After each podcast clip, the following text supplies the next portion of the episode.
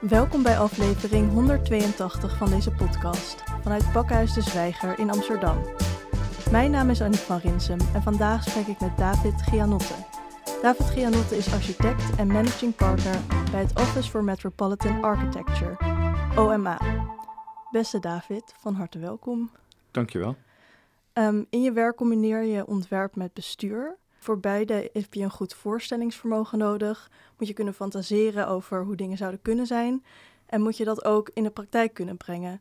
Heb je een voorbeeld van hoe dit in de praktijk uh, bij elkaar gebracht wordt bij complexe projecten? Ik denk dat ieder project, een, een, uh, voordat het begint, een, een bepaalde voorstellingsvermogen nodig heeft. Zowel als het gaat om het conceptualiseren van het idee, maar ook uh, hoe je dat kan gaan bewerkstelligen. En uh, daar zit natuurlijk altijd een component in van uh, ontwerp en, en uh, erover nadenken met een team wat het juiste antwoord kan zijn. En daarnaast ben je natuurlijk continu bezig met hoe kan ik dit bij de opdrachtgever geaccordeerd krijgen, maar ook binnen de verantwoordelijke instanties voor elkaar krijgen. En hoe kan ik ook daarvoor uh, coalities smeden, zodat er bijvoorbeeld uh, geld beschikbaar komt, uh, dat de mensen de filosofie die we op dat moment in een project proberen uit te dragen, wordt ondersteund. Dus je bent continu bezig op twee schaakborden. En eigenlijk is het één schaakbord, omdat al die componenten door elkaar heen lopen. En beslissingen in ontwerp vaak ook een relatie hebben met de bestuurlijke beslissingen of trajecten. Um, voor mij is het in ieder geval essentieel dat die componenten allemaal aanwezig uh, zijn. Uh, ik ben zeker niet iemand die graag aan een project werkt waar ik word gevraagd een schets te maken en een idee neer te zetten en verder niet betrokken ben bij hoe dat tot stand gaat komen en wat, wat dat project moet gaan uitdragen. En uh, toen je misschien vroeger voorstelde en de wens had om architect te worden, was het toen ook al voor jou duidelijk dat het zo'n breed vakgebied is? Is, dat iets wat je gaandeweg hebt ontdekt en waar je misschien ook met de groei van, de, van het nadenken over architectuur zelf ook meer in bent gaan ontwikkelen? Nou, natuurlijk is dat iets wat je ontdekt als je, als je daar echt aan begint. Uh, maar ik was er wel van overtuigd dat architectuur niet alleen maar ging om het mooie plaatje. Uh, en dat architectuur natuurlijk in, uh, wortelt in de maatschappij. En dat het uh, bijdraagt aan hoe mensen met elkaar omgaan en, en hoe ze met elkaar communiceren. En de stad zelf is natuurlijk een enorme belangrijke plek geworden, waarin gebouwen natuurlijk een bepaalde rol spelen en vervullen, waar natuurlijk ook een hele duidelijke hiërarchie achter zit. Dat is iets wat je ontdekt als je student bent, maar dan eigenlijk nog steeds niet echt goed begrijpt of weet. Uh, pas op het moment dat je gaat werken en daar bepaalde keuzes in maakt, kom je er echt achter hoe dat mechanisme werkt. En daar moet je natuurlijk ontzettend nieuwsgierig voor zijn. Maar een van mijn belangrijke dingen was om toen ik afgestudeerd was als architect. Ik ben overigens niet alleen, ik heb niet alleen architectuur gestudeerd, ik heb ook uitvoeringstechniek gestudeerd. Ik heb ook de economische kant van het bouwen uh, bekeken, uh, heb ik heel duidelijk besluit genomen. Ik wil even aan de opdrachtgeverskant zitten en even begrijpen hoe nou in een bestuur van een stad, maar ook hoe die financiële uh, parameters en hoe de sociaal-economische parameters van een project werken. En daarna ben ik weer teruggestapt die architectuur in om, om ook een andere stem te kunnen zijn hoe je architectuur kan bedrijven. en dat zie je wel in mijn carrière terug dat ik, dat ik heel bewust die keuzes heb gemaakt, omdat ik altijd dat spanningsveld heb opgezocht. Ik ben niet alleen bezig geweest met, met bouwen, maar vooral ook hoe kan je uh, nieuwe concepten creëren uh, voor een stad of hoe kan je een stad opnieuw werkend krijgen als dat niet meer zo is. Nou, dat vind, ik, dat vind ik gewoon een heel interessant aspect van architectuur en stedenbouw. En toen je dus die bestuurdersbril heel erg duidelijk opzette om te kijken hoe dat vanaf die kant in zijn werk gaat.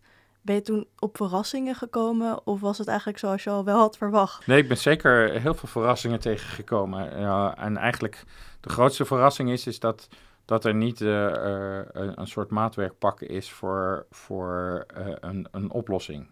je moet dat maatwerkpak maken, net zoals de architect dat maakt, gedurende het proces. En er wordt heel vaak heel... Ehm, confident gedaan over wij weten hoe het moet. Uh, maar 9 van de 10 keer is het helemaal niet uh, duidelijk hoe het moet. En moet je met elkaar ook dat proces in elkaar sleutelen. en moet je daarin ook slimme keuzes maken en, en goed bedenken wat voor deze situatie of voor dit project het beste is. En dat betekent dus eigenlijk dat iedereen zoekende is van het begin. Niet alleen degene die de pen vasthoudt en ontwerp maakt, maar ook iemand die een proces start om iets te maken. En het maakt niet uit hoe vaak ze dat al gedaan hebben. Het is eigenlijk iedere keer weer opnieuw die zoektocht. En dat gaf mij natuurlijk ook uh, uh, een heleboel informatie als architect. Dat je dus ook samen uh, met een ontwikkelaar daarnaar kan kijken. Niet iets wat zij zeggen aanneemt als randvoorwaarden en binnen die randvoorwaarden werkt, maar dat je die randvoorwaarden dus ook kan challengen en dat je daar continu mee bezig kan zijn om dat slimmer te doen. Dus het smeden van coalities, daarin is het heel erg belangrijk. Het is geen hiërarchische lijn, het is echt een, een, het, proces samen vormgeven. En de architect kan daar een hele centrale rol in spelen. Um, en veel centraler dan veel collega's doen, uh, om, om het mee te construeren en mee te bedenken. Dat betekent natuurlijk wel dat je die brede interesse ook uh, inzet, of de brede kennis ook inzet, om ook uh, te willen weten hoe de financiële modellen werken, hoe de bestuurlijke uh, paarden lopen, maar ook hoe je um, kan, kan afwijken van het, het gangbare, waardoor je nieuwe wegen kan openen. En dat is natuurlijk een continu proces. Dus het was eigenlijk wel een verrassing dat het nog meer open zou kunnen liggen dan je dacht. Oh zeker. Ik dacht dat het veel meer duidelijk en gestroomlijnd waren. We zijn natuurlijk in Nederland zeker, maar ik werk gelukkig en dat, ik ben in de gelukkige omstandigheid om wereldwijd te werken. Uh, had ik wel gedacht dat procedures veel duidelijker waren, veel dichter zaten en eigenlijk veel um, meer richting zouden geven. En, en als je daar goed naar kijkt, blijkt eigenlijk dat al die procedures een bepaalde onzekerheid en openheid hebben, uh, die je ook gewoon goed met elkaar moet analyseren en bespreken om uiteindelijk allemaal hetzelfde doel te hebben. Anders is het risico dat mensen op procedures vertrouwen, maar dat de doelstelling uh, eigenlijk heel anders is. Ja, precies. En je zei net al, is het belangrijk om die verbinding op te zoeken en dat je niet op een hiërarchische manier uh, werkt, maar dus echt samen aan de tekentafel gaat zitten.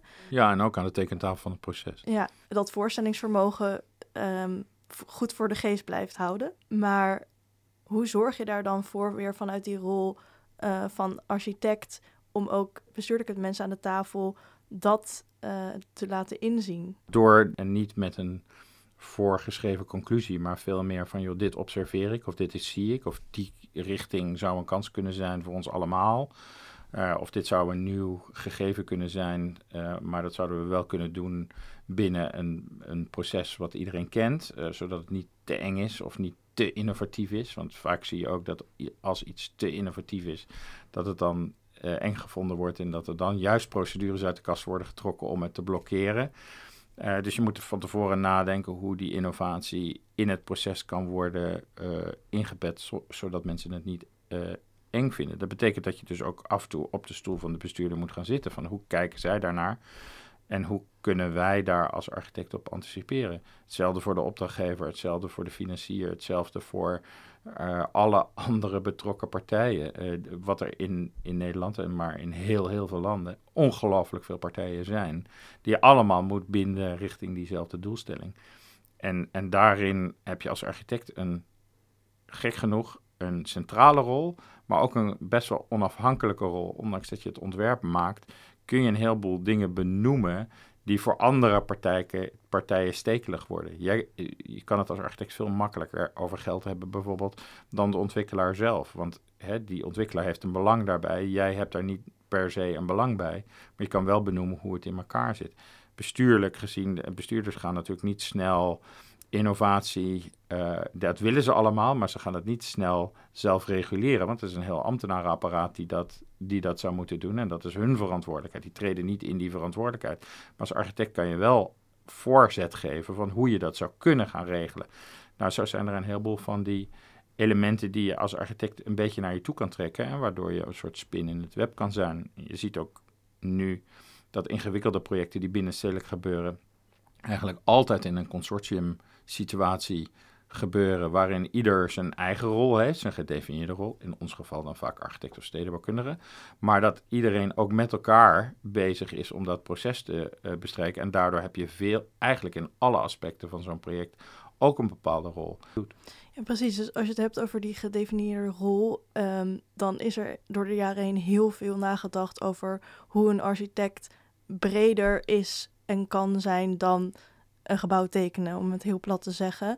Um, als je het in je eigen bewoordingen zou moeten zeggen, wat betekent het voor jou om een architect te zijn? Ik denk dat het klopt wat je zegt, dat er heel veel over nagedacht is dat een architect een brede rol zou moeten hebben. Maar gek genoeg is de rol van de architect steeds meer ingeperkt en ingeperkt en ingeperkt geweest. Als je kijkt naar de geschiedenis, uh, dan zie je dat een architect was een bouwmeester, was een bestuurder, was, uh, die nam hele grote beslissingen die een enorme impact hadden op, uh, op steden en op, op, zelfs op dorpen. Maar die, die zonder dat daar al de processen die er nu omheen hangen, omheen hingen. Uh, we waren van het tekenen, maar we waren ook van het bouwen. We waren van het uh, uh, laten zien van pracht en praal, et cetera, et cetera. Toen de markteconomie op gang kwam, zag je toch eigenlijk steeds meer dat de markt zich ging, eigenlijk de rol van de architect ging definiëren tot steeds meer eigenlijk de ontwerper alleen. En dat al die andere elementen uitgeschakeld werden en naar de andere partijen werden gedefinieerd, zelfs naar aannemers toe. Uh, bijvoorbeeld. En daar zie je dus uh, dat nu er een, een, eigenlijk na 2009, toen er een grote economische crisis was, eigenlijk dat vertrouwen in die andere partijen is afgenomen en daarin de architect dus in een soort leegte kan stappen om dat vertrouwen te herstellen en weer die bredere rol te pakken. Hoe zie ik dat in mijn eigen woorden? Ik voel mezelf uh, niet uh, per se een ontwerper. Uh, ik ben niet degene die per se alleen maar de pen vast wil houden of houdt. Ik, ik zie mezelf veel meer als iemand die probeert relaties te creëren, fysieke relaties, maar ook intermenselijke relaties. En innovaties probeert te introduceren in een proces wat iedereen kent. en dat betekent dus dat je veel meer bezig bent met een soort um, ja, het, het, creëren van een, een, proces, het creëren van een uitkomst uh, waar ontwerp een onderdeel van is. Dus als architect ben je gewoon veel en veel breder inzetbaar. Dat heeft er ook mee te maken dat je natuurlijk, we leven allemaal in een bepaalde society, maar wij zijn niet gefocust op één onderdeel daarvan. Je bent veel meer gefocust op die hele breedte. En, en daar kan je dus ook mee uh, communiceren. Dus je bent eigenlijk een communicator uh, waar ontwerp een onderdeel is, maar alle andere aspecten ook uh, onderdeel van zijn. Ja, en in dit soort processen komen heel veel thema's naar boven. En in, de, onze leefwereld, dat gaat ook over sociale gelijkheid, over inclusiviteit en nu ook over duurzaamheid. Um, hoe zorg je ervoor dat je goed voor ogen hebt welke thema's urgentie hebben of dat je kan zorgen dat ze samenwerken en niet dat door aan één meer aandacht te geven je weer een ander verdringt. Ik denk dat een heel belangrijk aspect is dat je ze niet ziet als marketingtools of als thema's die moeten worden geadresseerd. Maar dat je ze gewoon ziet als een verantwoordelijkheid die we met z'n allen dragen en hebben. Uh, dat is een heel groot verschil. Hè? Je ziet nu heel veel architectuur ontstaan uh, die onder de noemer valt groene architectuur je kan jezelf afvragen, is dat werkelijk uh, duurzaam? En je kan jezelf afvragen, is dat werkelijk een, is dit een trend of is dit iets wat uh, naar de toekomst toe uh, lang houdbaar, een lange houdbaarheidsdatum heeft? Ik denk als je het anders benadert, dat het je verantwoordelijkheid is om over die dingen die iedereen bezighoudt na te denken en dat je dat niet gebruikt als een extra uh, marketing tool of een positioneringstool maar veel meer gebruikt als een, als een intrinsieke verantwoordelijkheid. Uh, dat je dan ook veel makkelijker dat gesprek kan voeren. Want ik hoef er zelf niet iets uit te halen. Ik vind het heel belangrijk dat de samenleving uh, er beter van wordt. En op die manier kijken wij uh, naar die thema's die groot zijn. die thema's zijn ook heel groot, want je kan heel veel verschillende insteken kiezen. en er zijn ook heel veel verschillende reguleringen van van die thema's.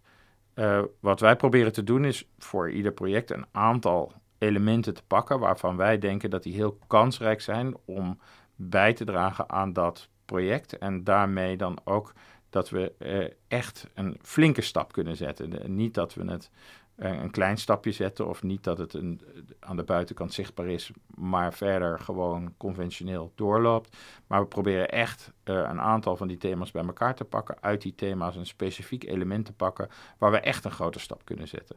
En dat proberen we dan ook zo ver mogelijk door te voeren binnen het project. Een goed voorbeeld daarvan is bijvoorbeeld hier in Amsterdam uh, de het Belma Bias project, waar iedereen ons voor gek verklaarde toen we zeiden we gaan 98% van het materiaal van die oude gevangenis hergebruiken.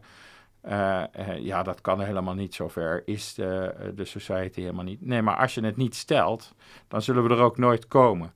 En door het te stellen, gaat iedereen zich inrichten om het te doen. En als je het nu monitort, er, zijn, hè, er is een monitor van begin tot eind gemaakt, de hogeschool is daarbij betrokken, dan zie je dat we heel dichtbij die doelstellingen kunnen komen als iedereen maar uh, die, hè, die leap, uh, die grote stap uh, wil zetten.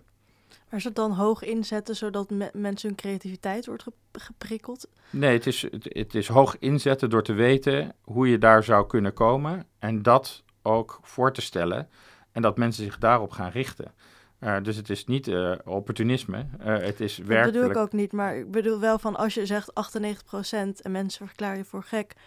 En jij je zegt dus eigenlijk van, maar juist door iets te doen wat misschien mensen gek vinden, ga je anders nadenken. Nadenken. Maar je, ook om al na te denken over hoe je dat zou kunnen doen, het proces daar naartoe.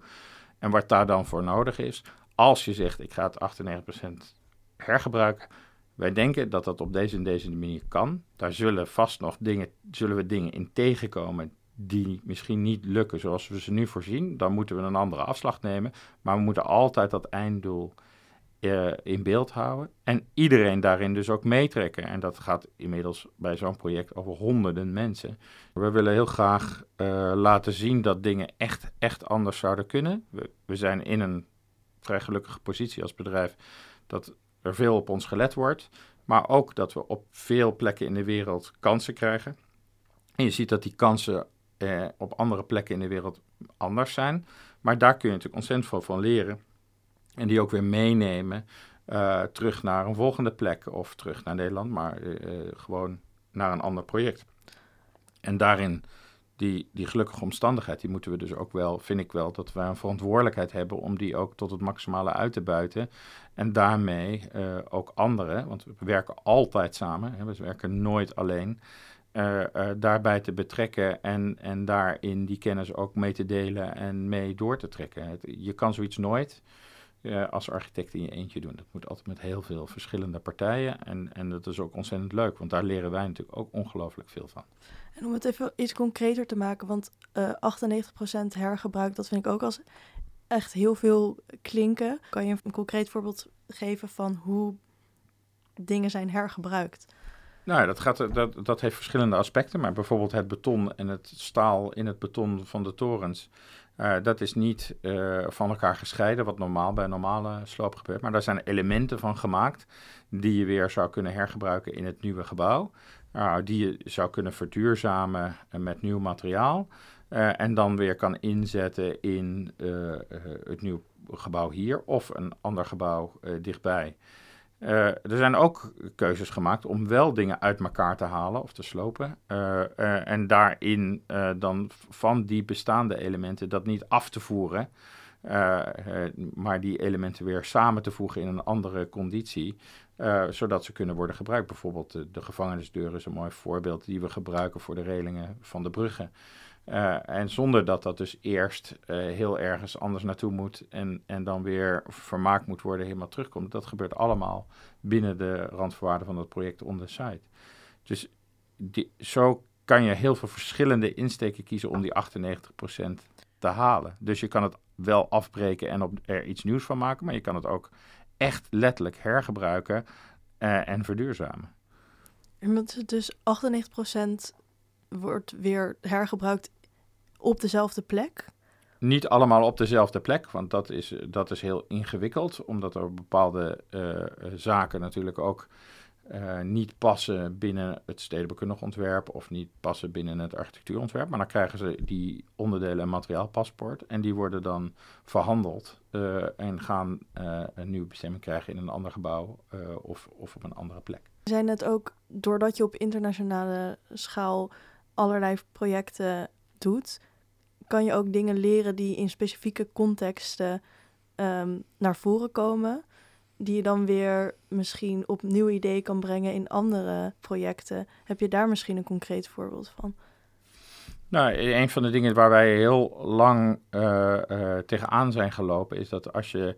We krijgen natuurlijk allemaal opdrachten die allemaal met leisure ook te maken hebben. Hè? Het is niet alleen maar werken en wonen. Uh, of publieke culturele gebouwen, maar je krijgt ook gebouwen die te maken hebben met dat wij na ons werk willen ontspannen. Of dat we op vakantie willen gaan en dan prettig willen verblijven. En wat je ziet is dat eigenlijk die activiteiten altijd, een, het is een korte activiteit en het is altijd een activiteit die gebeurt om je eigen kop leeg te maken of, of, of te ontspannen of te sporten. Maar die laat altijd een soort afdruk achter uh, waar jij niks meer mee doet. Uh, hè, we weten het allemaal, we gaan op vakantie, uh, we vinden het fantastisch, de cultuur, we nutten het uit, we investeren uiteraard geld daar. maar die omgeving heeft heel veel effect van het feit dat wij daar naartoe komen. Nou, een van de projecten die we bijvoorbeeld gestart zijn samen met een lokale jonge Indonesische uh, meneer is op Bali een, een zero waste omgeving te creëren. Waarin uh, uh, de mensen dus niet iets achterlaten, maar er, hun kennis achterlaten. En met de mensen daar een omgeving creëren waar heel veel creativiteit, heel veel muziek, heel veel producten worden ge gemaakt uh, op het afval, van het afval wat achtergebleven is op het eiland Bali van toeristen. Nou, dat is een. Ik zie nu een soort recycle workshop plaats. Ja, dat, dat, is heel grappig. Het is bijvoorbeeld midden in, uh, in die plek waar je dus ook kan slapen. En wat een mooie plek is waar goede restaurants uh, in zitten. Waar je lokaal eten kan eten. Wat gerund wordt door lokale mensen. Er zit ook een plastic uh, workshop bijvoorbeeld. mensen gaan de de rimboe daarin en harvesten dat één, uh, eenmalig gebruikt plastic en maken daar bijvoorbeeld meubels van die dan weer in de hotelkamers terechtkomen. En daar, dat, dat proces wordt dus zichtbaar gemaakt en dat klinkt heel lullig en klein, maar op het moment, je ziet dat op het moment dat mensen zich dat gaan realiseren, dat je dus ook op het moment dat je probeert te ontspannen een bijdrage kan leveren aan vraagstukken die echt belangrijk zijn voor ons, uh, dat er dan dus echt impact gemaakt kan worden. Is het een vakantiepark, zeg maar? Hoe moet ik... Het is een resort waar uh, een, een, grote beachclub is, waar uh, twee hotels zijn, waar inderdaad dus allerlei workshops zijn, waar recording studio's zijn, waar, waar mensen dus kunnen ontspannen, vakantie kunnen vieren, maar waar dus ook een heleboel andere activiteiten doorheen loopt. En allemaal gerund vanuit een lokaal sustainable gedachte. En er is dus geen wees. Dus alles wat daar binnenkomt wordt, uh, wordt gebruikt en geproduceerd. En dat betekent dus dat je daar dus een, een vibe vindt die heel anders is als je naar een ander resort gaat, waar je door de poort heen rijdt en denkt van nou het zal mijn tijd wel duren. En ik vlieg weer terug, ik heb een fantastische tijd gehad. En dat, het grappige is dat dat moet dus vanuit de grassroots komen. Dat kan alleen maar komen van de mensen van daar die zien natuurlijk wat voor ongelofelijke impact dat massatoerisme heeft. En die zeggen, dit moet anders. Nou, als je daar dus een coalitie mee hebt en daarmee gaat werken. Nou, we hebben heel veel fouten gemaakt in dat proces. Maar die hebben we ook laten zien, zodat we ook kunnen laten zien wat de werkelijke wijzigingen zijn. Wat nu dus zelfs tot wetgeving wijzigingen leidt. Nou, dat zijn dingen waar je eigenlijk heel klein begint en verrassende effecten kan bereiken. En nu uh, is dat resort al, al vijf jaar een van de beste resorts van de wereld. En je ziet nu dat er ook mensen geïnteresseerd raken in andere plekken in dezelfde ideologie. Dat we, daarmee lossen wij de impact van massatoerisme totaal niet op. Maar daarin stellen we wel de juist, proberen we wel de juiste vragen te stellen. Als je daar dan bent en als je die eh, keuze hebt gemaakt, dan zou je ook andere bewuste keuzes kunnen maken die de impact in ieder geval heel erg minimaliseren. Nou, dat zijn bijdrages die je kunt leveren, ook omdat je wereldwijd werkt, uh, met heel veel verschillende mensen werkt, die je daar dan ook weer bij kan betrekken. Als je kijkt naar dat project, wat was dan in eerste instantie de opdracht waarmee ze kwamen en hoe is dat uh, langzaam ontwikkeld tot wat het nu is geworden? Ja, we hebben er net een, een tentoonstelling over gedaan in Singapore over dit project, uh, waarin we dat hele proces hebben laten zien. En de eerste opdracht die we kregen was, uh, we gaan een resort maken gerund door lokale partijen waar de lokale bevolking van het dorp van profiteert. En, en niet dat het cannibaliseert op de lokale omstandigheid de opdrachtgever was toen 32 jaar oud, had echt die visie van oké, ik wil hier iets doen waar zij door vooruit gaan, maar ik wil niet de impact creëren dat vervolgens het dorp verdwijnt en de gebruiken verdwijnen en de cultuur verdwijnt. Pas gaandeweg uh, het traject kwamen er uh, ideeën door onze discussies en door het zitten over, over plant-based koken bijvoorbeeld. Hoe kan je plant-based koken in een vakantieomgeving. En en kan, kun je mensen laten realiseren dat dat net zo lekker kan zijn als de fastfood op de hoek. En dat je daar dus ook dingen mee kan doen. Daar kwam bij die zero waste-achtige gedachte. Dat was toen we de, de site gingen ontginnen. Daar was er zoveel plastic overal. En toen hebben we gezegd, kunnen we dat niet gaan gebruiken? En vervolgens op veel grotere schaal. Dus hoe kunnen we daar bijvoorbeeld ook bouwmaterialen van maken die we in het gebouw verwerken? In plaats van het nu oppakken en het ergens anders in landfill uh, stoppen. Nou ja, dat soort gedachten komen dan steeds meer. En dan zo ga je dus steeds verder uh, in, de, in, in die gedachten. En, en daarin zit dan ook het idee van: oké, we kunnen uh, goede, een goede tijd hebben, maar we kunnen het ook doen op een goede manier. Hè? Good times do good. Uh, is de slogan van, van, van dat project bijvoorbeeld. Je ziet nu bijvoorbeeld dat one-time plastic in Bali is nu via wetgeving gereguleerd. Dat was niet voordat we het project begonnen. Dus mensen kijken ook naar dat soort initiatieven. Nou ja, dat zijn dingen die, die je hoeft dus niet per se heel Spartaans, uh, heel erg uh, je in te houden. Maar je kunt ook op een andere manier naar kijken. Je kunt ook zeggen: oké, hoe kan ik ervoor zorgen dat het geen impact heeft wat ik doe? En hoe kan ik die impact minimaliseren? En lokaal vooral. Ik bedoel, dat zijn denk ik hele belangrijke aspecten. Want je ziet toch dat de westerse wereld of de rijkere wereld uh, cannibaliseert op uh, delen van de wereld die misschien niet dezelfde privileges hebben om dat ook bij ons te kunnen doen. En dat is natuurlijk wel een vraagstuk. Ja, en als je in jouw ervaring gaat brainstormen over hoe het anders kan, um, is er dan op een bepaalde manier, is er dan eerst een soort proces dat je dat bijna de sky the limit is en dat je daarna um, moet trechteren? Of is het eerder zo van, juist door zo breed te denken, kom je steeds verder? Nou ja, je moet heel breed denken, maar breed denken verlamt heel vaak. Hè? En dan zijn er zoveel opties. Welke optie gaan we nu nemen? En een van die dingen die wij uh, proberen te doen is heel breed denken. En dan denken van oké, wat is in deze omgeving het meest uh, kansrijk om de grootste stap voorwaarts te maken. En, en dit moet je dan ook gewoon gaan doen. En dan moet je dus ook zeggen van oké, ik weet niet precies hoe dit moet. En ik weet ook niet precies waar het eindigt, maar ik ga het wel doen. En ik ga gaandeweg aan mensen laten zien wat ik heb gedaan, om die kennis te kunnen delen. Maar ook aangeven wat we goed hebben gedaan, wat we fout hebben gedaan, wat beter kan. En hoe je dus met elkaar dat zou kunnen richten. Als we het even terug naar uh, Amsterdam brengen. Mm -hmm. Amsterdam heeft als doel om het gebruik van primaire grondstoffen tegen 2030 te halveren en volledig circulair te worden tegen 2050. Mm -hmm. En deze doelstelling hebben ze gecombineerd met dat er een aantal scholen gebouwd moeten worden. En daarom heeft Circlewood, een alliantie van architecten, ingenieurs, bouwers en onderzoekers, met OMA als uh, directeur en medeontwerper een modulair houtsysteem bedacht, de houtkernbouwmethode. Mm -hmm. um, hoe zit dit modulaire houtsysteem in elkaar?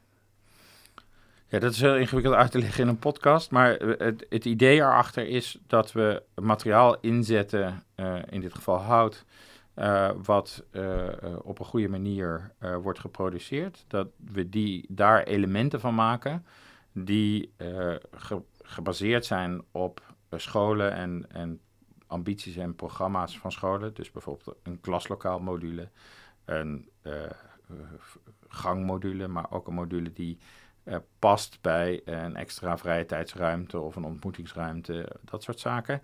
En dat die allemaal in dat systeem uh, kunnen worden gemaakt uh, door te prefabriceren en dan te koppelen op de site. Dat betekent ook dat, en dan daaromheen kan je een huid trekken die uniek is. Want iedere school wil natuurlijk ook zijn manier hebben om zich te profileren. Die scholen staan natuurlijk ook in verschillende stadsdelen. Er zijn natuurlijk allemaal verschillende beeldkwaliteitsvragen die dan een rol spelen.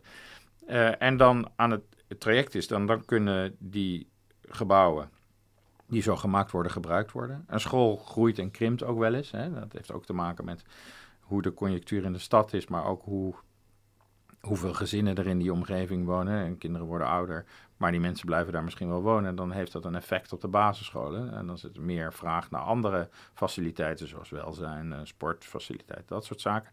Dus die gebouwen zijn ook zo ingericht in modules dat ze heel flexibel aanpasbaar zijn. Dat andere functies kunnen worden toegevoegd in het geval van krimp.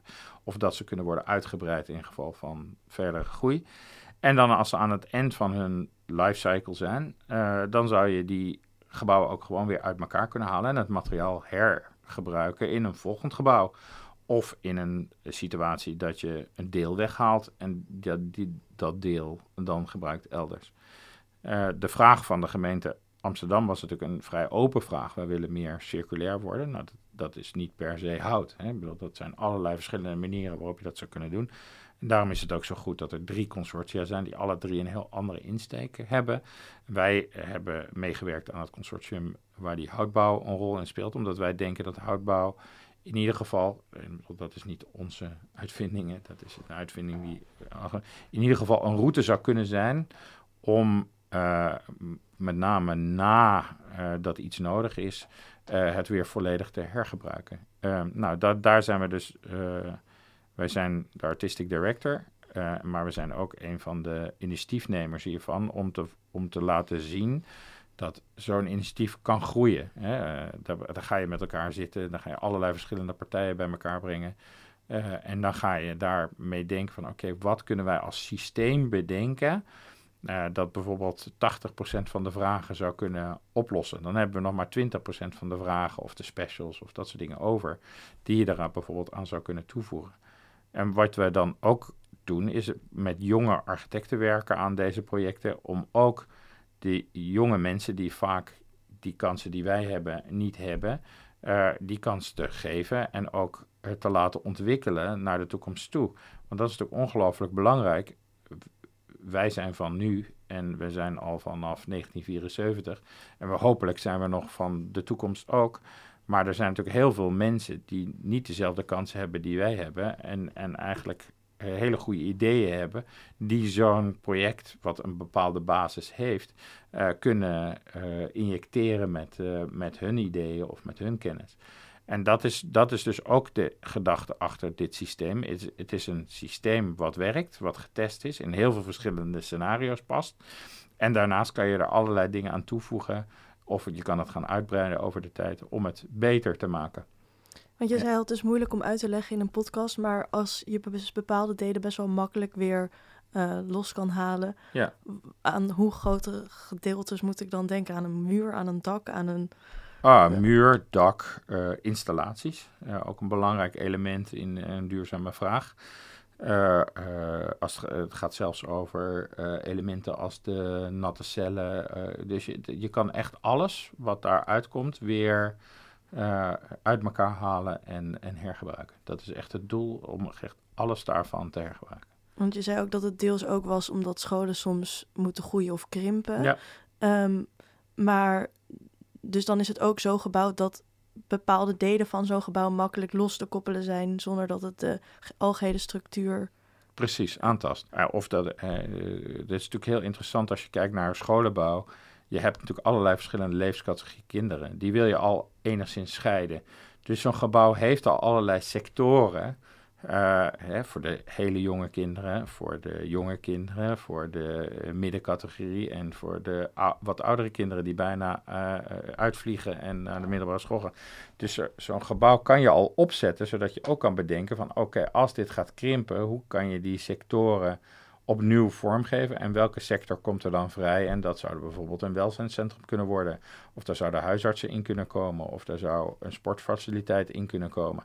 Nou, dat zijn van die dingen die je van tevoren best goed kan voorspellen, of in ieder geval waar je mee bezig zou kunnen zijn. Dit zou mogelijk zijn, dat zou mogelijk zijn, dat zou mogelijk zijn.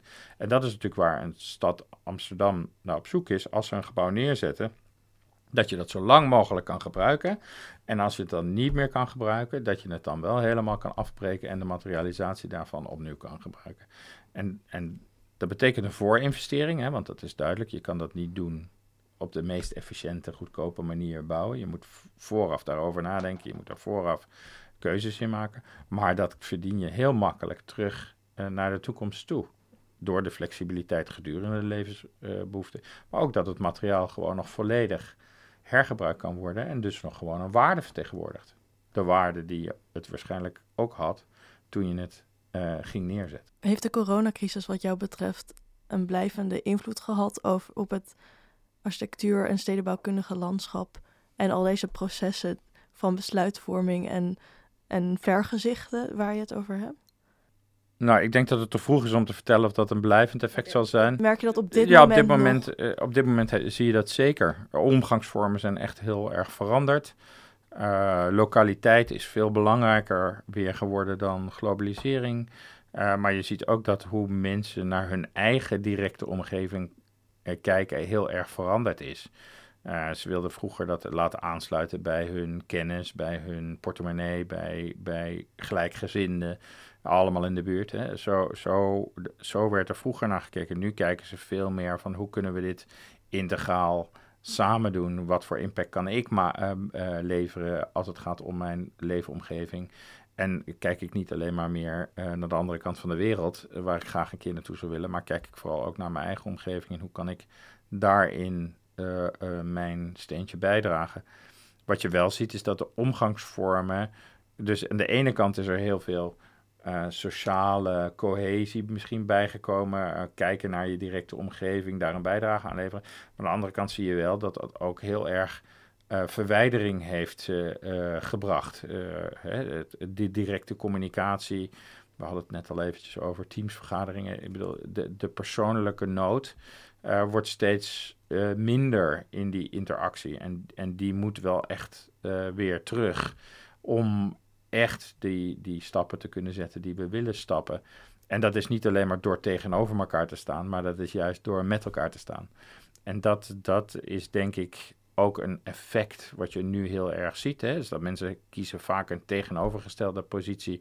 En dan is het heel moeilijk om te overbruggen en samen te komen. Maar op het moment dat er een samenpositie wordt gekozen, dan blijkt er ineens heel veel energie te zijn om veel meer te kunnen doen dan voor corona ja, buiten. En, en dan is er natuurlijk toch de impact dat iedereen een gezonde leefomgeving wil.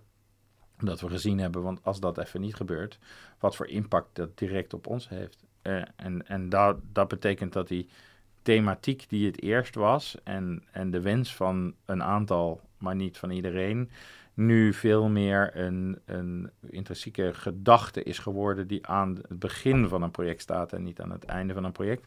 En ik denk dat dat een hele goede ontwikkeling is. Het is het, duurzaamheid is geen marketing tool. Duurzaamheid is gewoon wat we moeten doen. En het is ook heel goed te doen als iedereen maar zijn schouders eronder zet en niet een, een bepaalde positie of kant kiest. Want het is gewoon. En dus dat ziet als een verantwoordelijkheid, zoals je eerder in de. Ja, ik denk dat je het niet moet zien als iets waar je je mee kan onderscheiden. Ik vind dat het iets is wat gewoon je verantwoordelijkheid is. En als je er zo naar kijkt, dan is het ook nooit een discussiepunt. Want mensen kunnen je niet aanspreken op iets wat jij ziet als een verantwoordelijkheid. Ze kunnen ze wel aanspreken op iets uh, wat je een, een toevoeging vindt. En voor corona was duurzaamheid vaak een toevoeging. En als het dan even financieel niet lekker was, dan is het eerste wat uh, uh, sneuvelde was dat. Hè? Want dat was toch, toch steeds een beetje de vreemde eend in de bijt. Nou, op het moment dat je het ziet als een verantwoordelijkheid en als een integraal onderdeel, ja, dan is dat dus ook niet iets wat je kan wegsnijden. Tot slot, waar kijk je op dit moment het meest naar uit? Dat is een ongelooflijk ingewikkelde vraag.